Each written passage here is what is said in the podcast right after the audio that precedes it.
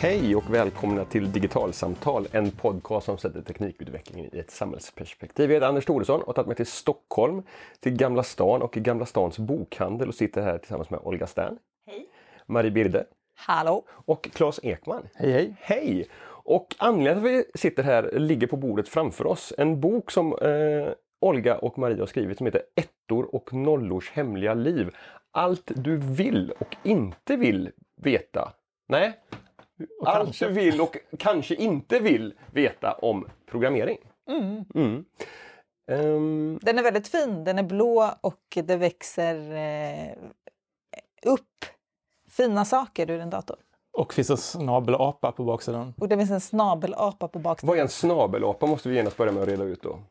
Alltså, en snabel heter ju massa olika saker på olika språk. Det har liksom inte kommit någon världsstandard. Så folk har i olika länder hittat på olika lösningar. Eh, och i, typ på hebreiska så heter den strudel. På japanska heter den naruto som betyder vattenvirvel. så, Så på- poetiskt. Eller hur? Och då på polska så heter den en liten apa. Okej. Och våran fantastiska illustratör Johanna Welinder hon tolkade den här lilla apan som en snabelapa. Och det Och- funkar så bra på Exakt. svenska. Och nu är det enda man vill kalla ett ett-tecken, en snabelapa. Anders snabelapa Thoresson. Exakt. Alltså så mycket härligare som livet blir om man säger så. Eh, vad är det här för en bok? Varför behövs den och vad handlar den om? Eh, ja, ehm, varför behövs det? Jo men ehm, det här är en bok som handlar om programmering men utan att man ska behöva sig liksom, utan att man ska behöva lära sig att programmera. För att det är så himla mycket, alltså den vanligaste frågan vi får är så här, okej men lär man sig att programmera i den här boken? Eller liksom, okej men hur går jag vidare för att faktiskt börja programmera? Och jag tror att det är lite fel ingång. För att det finns liksom inget självändamål i att programmera för programmeringens skull. Utan alltså man programmerar ju för att lösa saker som en dator kan lösa bättre än en människa kan göra.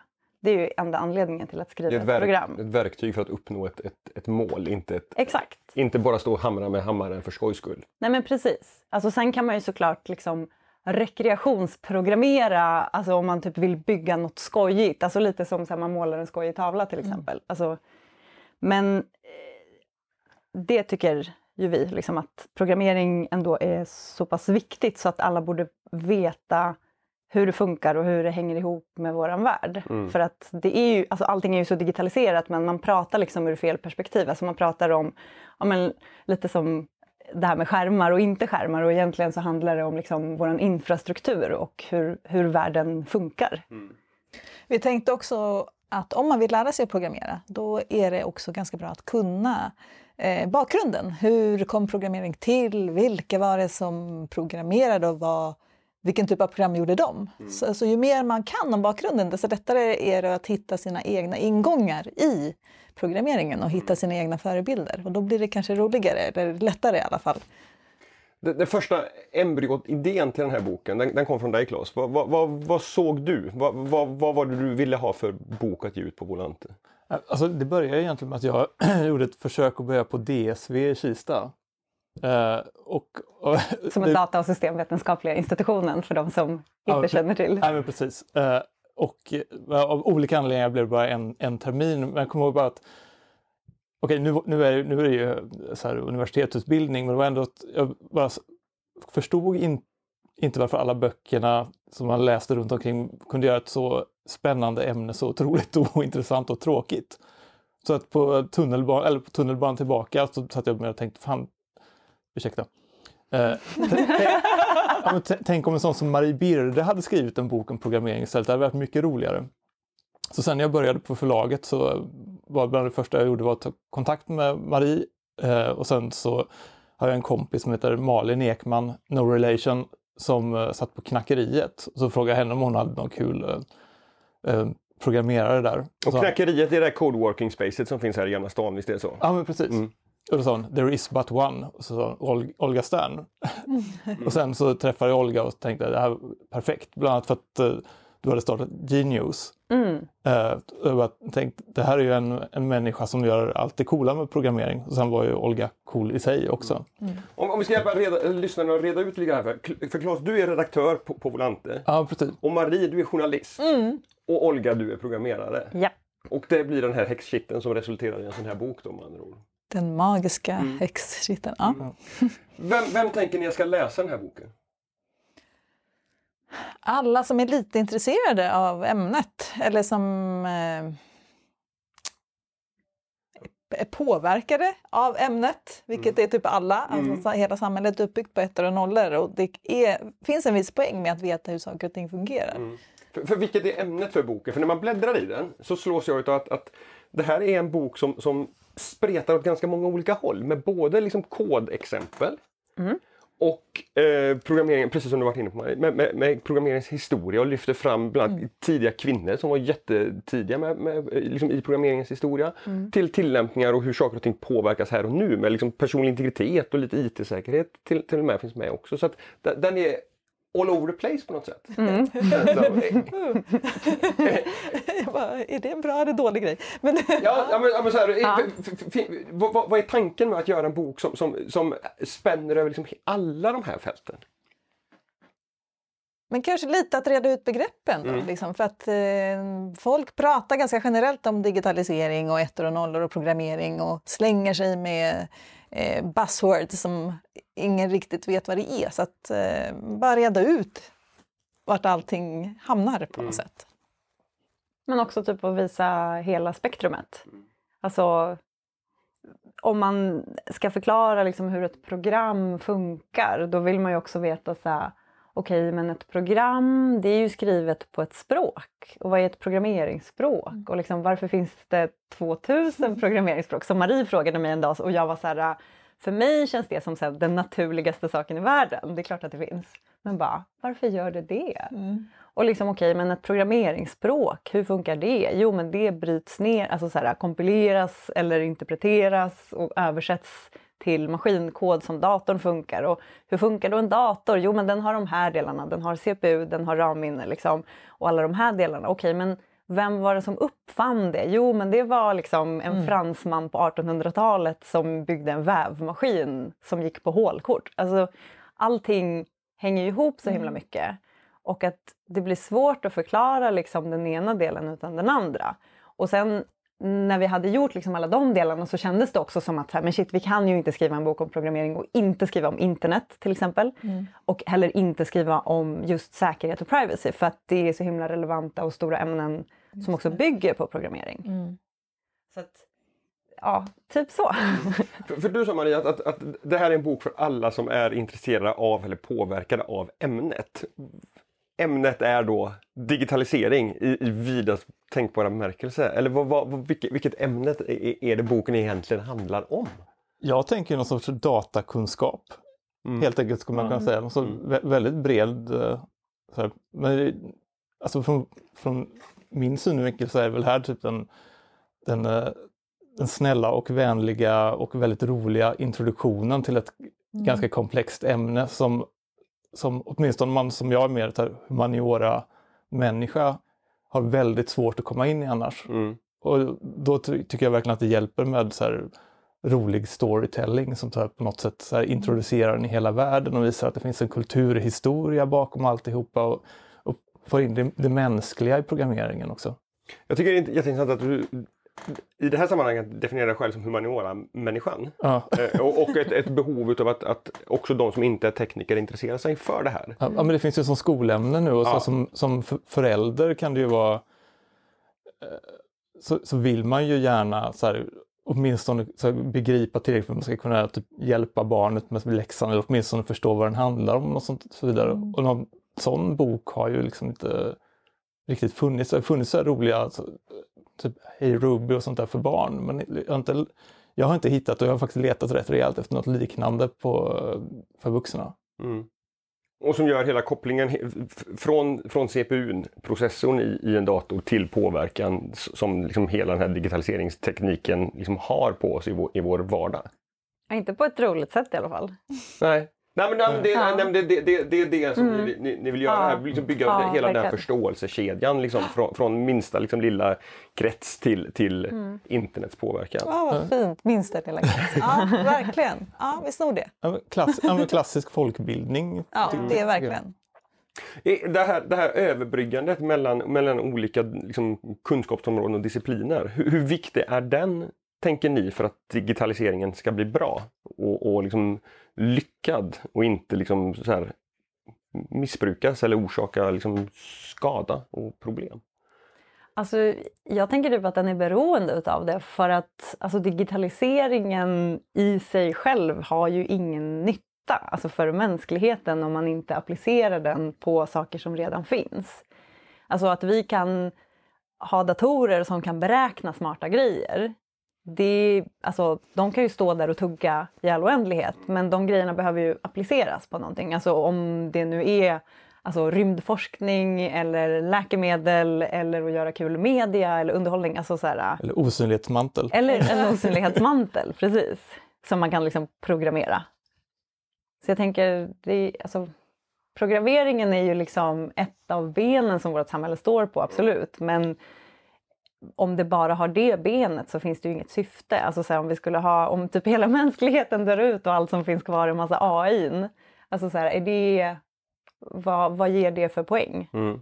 Men, men jag tänker också utifrån det som du är inne på Claes, det här med liksom att, att liksom få in humaniora i, i teknikdiskussionen. Att, att, att också fundera på vilka, vilka konsekvenser får systemen? Vad är det egentligen för, liksom, som vi bygger med hjälp av de här verktygen? Hur påverkar det människor, den, de, de sakerna som vi har byggt? Hur, hur viktigt är det liksom att, att resonera kring det? Är, det? är det tankegångar som ni kommer in på i boken? Att, att fundera på, inte bara att ja, men, det digitala är ett verktyg som vi kan åstadkomma någonting med utan också hur påverkar och förändrar det här människornas liv som, som är det som, som jag som programmerare sitter och programmerar. Alltså jo, det är ju klart, det är något som jag har funderat på jättemycket och ganska länge. Mm. Ehm, jag hade faktiskt en föreläsning om det för kanske ja, men redan typ tre, fyra år sedan. Mm. Eh, Att liksom, där jag jämförde, då var det aktuellt med, med Volkswagen och de här utsläppsfusken. Och det var ju att när de här bilarna kördes i en testmiljö så kunde de känna av det och då när de kördes i testmiljö så eh, gav de ut mycket mindre avgaser än vad de gjorde egentligen. Och det här var ju liksom programmerare som hade byggt. Alltså så här, någon hade skrivit den här koden för att få det att hända. Och som hade gett bilen möjlighet att se skillnad på att nu rullar jag på en väg, då kan jag släppa ut mycket. Nu rullar jag in i en testmiljö, då ska jag släppa ut lite så att jag Exakt. faktiskt får lov att köras på vägen. Precis, precis. Och att liksom, det är ju någon som har gjort det. Någon har ju också så här, och då är frågan så här, är det den programmerarnas fel eller liksom det teamet eller är det chefen som har sagt det? Men liksom, vad har man för slutgiltigt ansvar? Och det är ju en grej som vi tar upp väldigt tidigt att liksom programmerarna idag har så jävla mycket makt. Och att det funkar inte om, om det bara är att den här makten är väldigt instängd och otransparent. Utan om vi inte vet om, alltså om vi som samhälle inte ens vet om att de har den här makten, då kan vi inte påverka det. Men däremot om vi börjar förstå att så här, aha, okej, det där gjordes med hjälp av programmering och det kan man faktiskt påverka och då kan man också börja ställa krav. Och då kan man också se maktstrukturerna och det är inte först man ser maktstrukturerna som man faktiskt kan förändra dem. Mm. Eh, det där är, jag, jag kommer att tänka på en rapport som jag läste som kom ut någon gång våren 2018 från, eh, bland annat från, från Oxford University där man hade satt ett antal forskare inom AI och andra områden och titta på eh, risker och utmaningar kring artificiell intelligens. Och kommit fram till att en av de riskerna som man såg var att eh, politiker och andra makthavare och beslutsfattare liksom på hög nivå i samhället och i näringslivet förstår inte vad AI är. Och därmed är liksom rädda för tekniken och tar ett steg tillbaka och liksom lämnar spelfältet fritt för tekniken att utveckla det som de, det som de vill. Jag tänker att eh, den här typen av böcker och liksom den här typen av ansatser är så otroligt viktiga för att få fler än tekniker att börja tänka i och förstå kring ja, men vad är teknik egentligen? Det är ett verktyg som vi kan bygga bra saker med eller dåliga saker med men det finns ingen inneboende kraft i själva tekniken i sig. Mm. Ehm,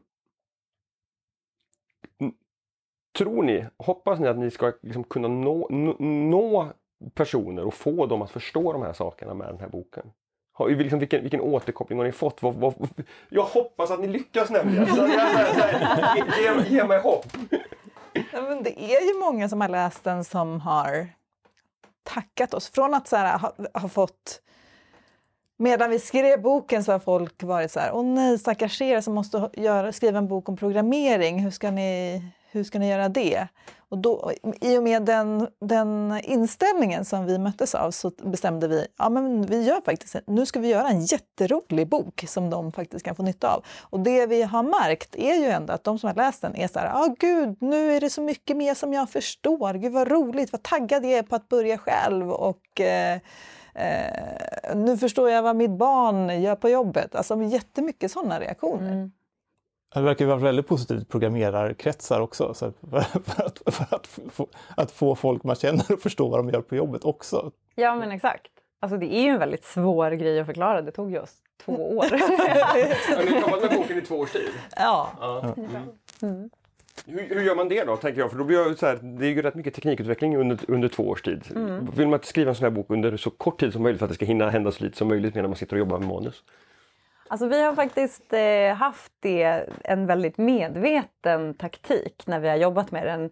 Det var alltså, typ det första vi kom fram till kanske, att vi inte skulle ägna oss åt det som hände just idag. Liksom. Mm, exakt, utan att vi skulle alltså, gardera oss, det kanske låter fel men alltså, vi tänkte verkligen så här medvetet att för att även om vi hade skrivit den, alltså säg att vi hade skrivit den på en månad, mm. den blir fortfarande gammal så fort man trycker den. Mm. Och då är det ju också så här helt onödigt nästan. Så vi har ju tänkt att liksom, vi ska inte vi ska använda historien för att blicka framåt utan att liksom fastna för mycket i nutiden. Och det har ju varit ett med, väldigt medvetet beslut, inte bara liksom i texterna men också i till exempel de programmeringsexempel som vi har. Där har vi ju använt ett språk som heter JavaScript, så det har funnits väldigt länge, det är väldigt spritt, det är många som använder det, språket är väldigt levande, det vill säga att det är många som kontinuerligt jobbar på det och uppdaterar det. Och vi tror liksom det kommer leva kvar väldigt länge. Och då har vi valt att liksom kanske inte så här, ah, så här bygger du en webbsida eller så här, så här gör du ett spel. Utan mer så här, okej okay, men det här är beståndsdelarna som finns i det här språket och de är ganska universella för många andra språk. Och på det sättet så tror jag att man får mer ut, ut utav det, att man liksom kan läsa om de olika delarna i ett programmeringsspråk så att när man väl själv liksom är sugen på att börja programmera då vet man liksom, aha en variabel det är en mm. sån här grej och boolean det är en sån där grej. Snarare än att liksom man bygger ett, eh, ett spel som man kanske inte lär sig så mycket på för att man, alltså själva målet är ju liksom inte att bygga det här spelet utan man tänker liksom så här, åh nu ska jag börja lära mig programmera och så blir man mm. istället besviken. Mm. mm. Men det är ju också väldigt applicerbar även om man hellre vill lära sig Python. Så mm. förstår man boolean och vad, ja, vad looparna gör. Och sådär. Man ja. får ju strukturen. Det Python är ett annat programmeringsspråk. Ja, för det. Mm. Mm. de personerna som jag har valt att lyfta fram. Mm. Det finns ju rätt många att välja i genom liksom en, en digitaliseringshistorik liksom, som är ett antal år och där det händer jättemycket. Så vi, vi, varför har ni valt de personerna som finns med i boken? Kan, kan ni nämna några liksom, utav stjärnorna som, som, som skymtar i, i, i sidorna? Alltså, eh, jag tror vi har utgått ganska mycket ifrån oss själva. Alltså vad vi tycker är spännande, vilka historier och vilka människor vi tycker är spännande. För att det är mycket lättare att förmedla för någon annan mm. då också än att man ska liksom försöka squeeza ut liksom något spännande ur, ur en person som man kanske inte tycker är så pepp. Exakt. Eh, men vi har skrivit, alltså, vi har skrivit om Ada Lovelace. Hon var ju den första programmeraren som många säger. Eh, och sen så har vi skrivit om Grace Hopper men sen så har vi också försökt att liksom gräva oss lite längre ner.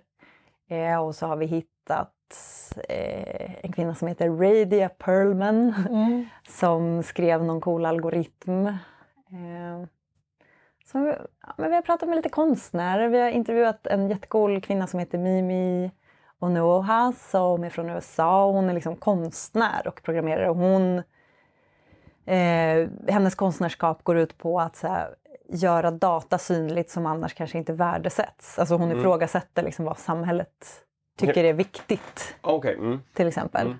Ja, det var några. Har du några Marie som du vill Ja, det, det var ett jättebra urval. Det jag tänkte säga det var att det har varit väldigt roligt att kontakta alla människor som vi har med i boken. För att alla har varit så himla bjussiga. De har verkligen så här Åh, äntligen kommer den här boken och jag får berätta min historia och, eh, och vad kul att ni vill göra en programmeringsbok för alla. Liksom. Alltså att det är, alla har längtat lite efter den här boken. Det är känns det som. Ja, och, och också varit jättegulliga och presenterat oss vidare för andra spännande människor och sådär. De na- namnen som du nämnde Olga är, är kvinnor. Eh, och det finns många kvinnor på, i, i, i boken. Jag antar att det är ett väldigt medvetet val. Ja. Är det inte ett naturligt Ett val? naturligt val, Ja, ja. det är ett naturligt val för att så här, vi, vill, vi vill faktiskt visa historien som den faktiskt... Eller det kommer vi aldrig lyckas med såklart, men lite mer som den faktiskt var än så som den framställs ganska ofta idag. För att eh, vi har ju också intervjuat ganska många män eh, och skrivit om många män också. Eh, men det är mer typ att så här, nu har vi lagt till de kvinnorna som medvetet förut har tagits bort. Det är snarare det vi har gjort. Var, varför tror ni att de har tagits bort? Tidigare? Ja, säg det. Ja, men det, det var att det gick från ett kvinnoyrke till, till ett lite mer mansdominerat. Jag tror att man insåg... Alltså förlåt Marie, nu jag bara babblar på. Nej men man insåg... Eh, alltså det tydligaste exemplet som vi också har skrivit om det är med de här ENIAC 6 som var sex stycken kvinnor som jobbade på försvaret i USA. Eh, och det som hände var att de var liksom bland de första att programmera. Så då fick de, de var med i olika forskningsprojekt och de rekryterades för att de var väldigt duktiga matematiker. Eh, och då skulle de programmera den här jättedatorn. Och grejen var att det var männen som liksom byggde datorn och de var väldigt stolta och malliga över det och bara kolla vilken stor och fet eh, metallklump vi har här och den sprakar och lyser och har sig. Men det, var liksom, det fanns inte riktigt någon plan egentligen för exakt vad man skulle göra med den. Det var teknik för teknikens skull i allra Ja, högsta grad. ja verkligen. Och man trodde liksom, ja, men det här är fett men vi vet inte exakt hur. Eh, och sen så tog man kvinnor för att då programmera den för att så här, den såg ut som en telefonväxel. Vilka kan telefonväxlar? Jo, kvinnor. Så här, de tar vi. Eh, och de här kvinnorna då började programmera den och så insåg man att så här, jaha, det var ju liksom själva det som var grejen. Och då Vill man kanske inte erkänna att man inte fattade det från början. Nej, det är svårt att säga att man hade fel. Ja, exakt.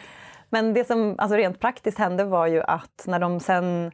Alltså de, liksom, de använde den här programkoden för att beräkna uppskjutningsbanor för olika typer av vapen. Eh, och de lyckades med det och sen så kom pressen dit och skulle typ ta en bild på dem och skriva en artikel. Och när artikeln väl kom i tidningen då hade de liksom klippt bort kvinnorna från bilderna och liksom tagit bort allting om dem från artiklarna.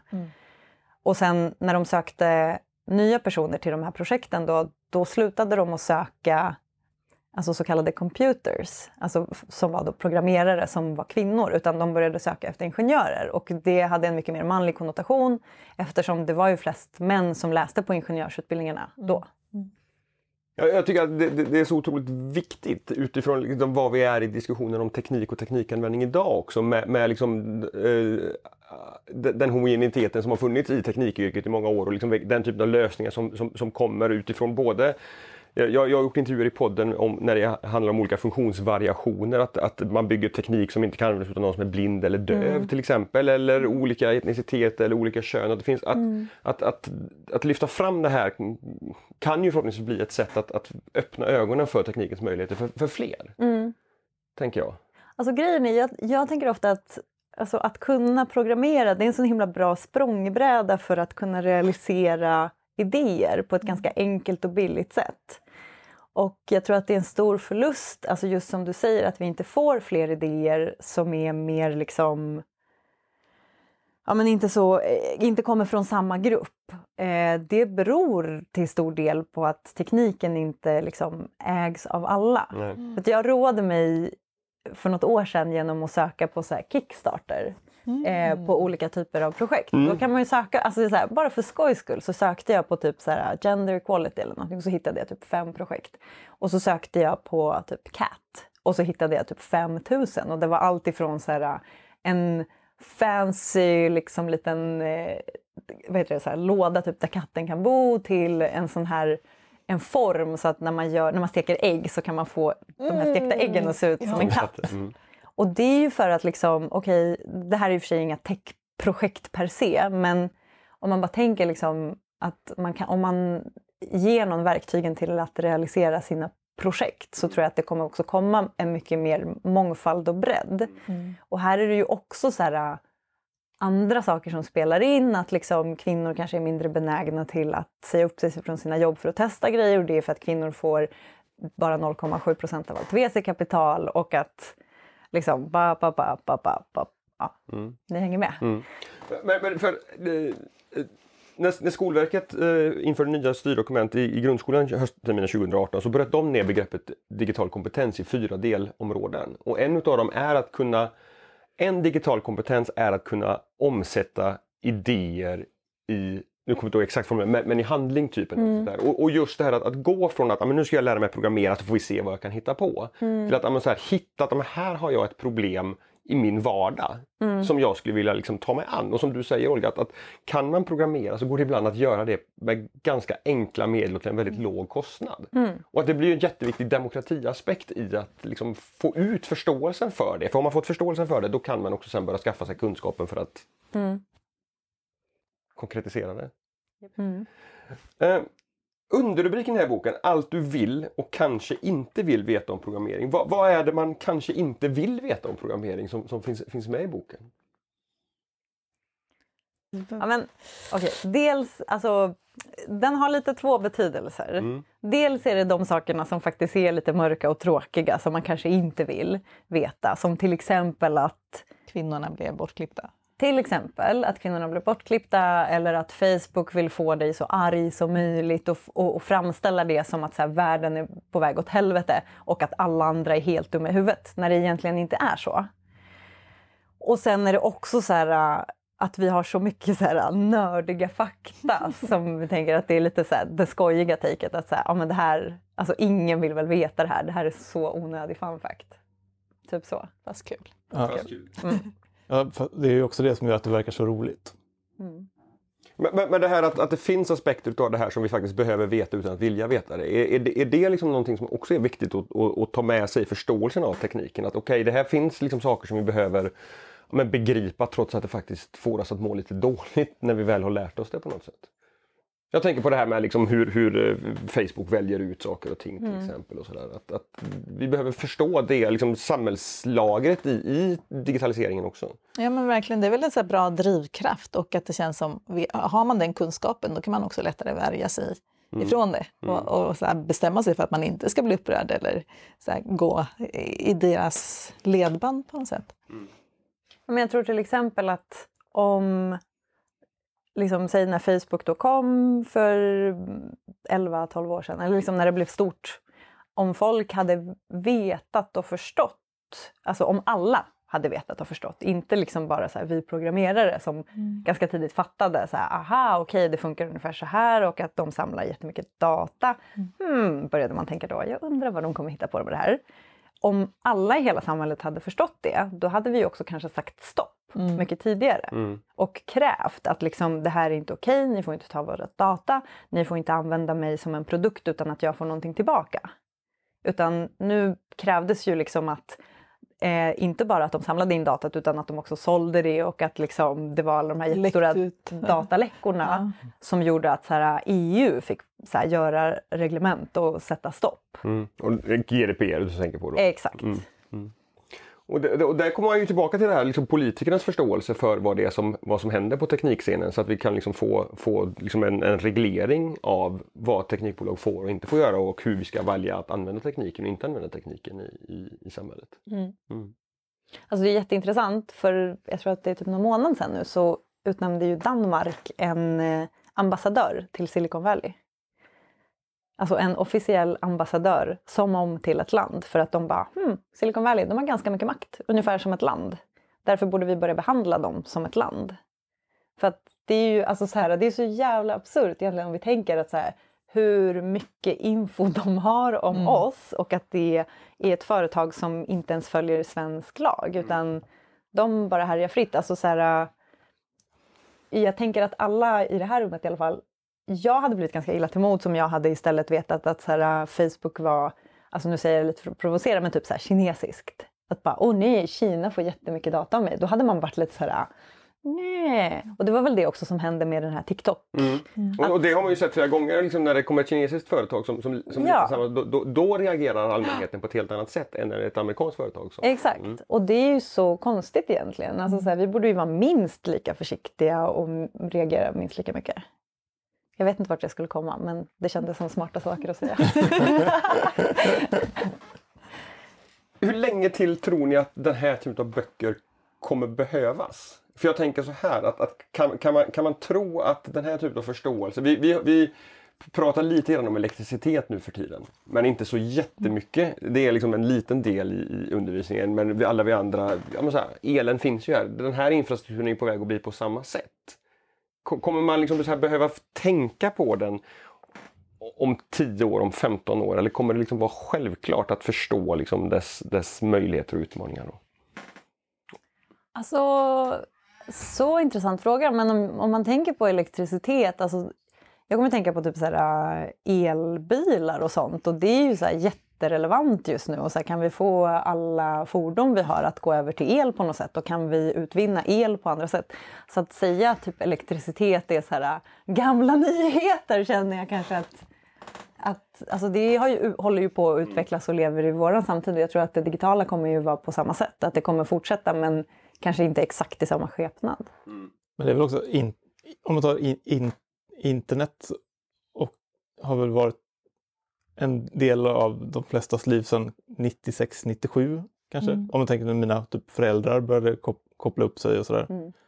Eh, och kunskaperna är inte så enorma om programmering. Och det har ju liksom inte hänt så mycket sedan dess. Så att, eh, det hade ju varit eh, på sätt och vis eh, kanske härligt om boken inte behövdes om, om fem år men eh, det, jag, jag är inte så, det, det tror jag att den kommer göra. Verkligen. Så länge folk är rädda liksom, när vi säger ordet programmering och visar upp boken, då, så länge kommer den behövas. Men, men, men, är, men, är det lite den reaktionen som, som, som, som ni får? Ja, Att- så att- länge vi inte säger något mer. Sen när vi börjar prata om allt det här runt omkring, då, blir folk, då börjar folk fatta och blir intresserade och eh, nyfikna. Men när vi bara säger hej, det här är en jättefin bok om programmering, då backar de långsamt ut ur rummet. Ja, men det är många som säger så här, åh nej men det är nog inte för mig. Och man bara, det är exakt för dig. Alltså det är verkligen så här, genom att säga det så har du bara sagt att den är för dig. V- Varför det menar du? Varför kan man inte få lov att känna att- att programmering är inte för mig och så nu struntar jag i det och så lämnar jag det till de som tycker att det här är kul och intressant. Och så kan jag liksom bara strunta i det här. För att det är allmänbildning. För att allmänbildning berör alla och jag tycker typ att i en demokrati så har man ändå någon slags skyldighet att ta reda på hur, hur det mest grundläggande fungerar som samhällsmedborgare. Punkt. Det, det blir en jättebra punkt för hela det här samtalet. Stort tack Olga, Marie och Claes Tack för det här snälla. samtalet. Och till er som har lyssnat, vi hörs igen nästa onsdag. Hej så länge.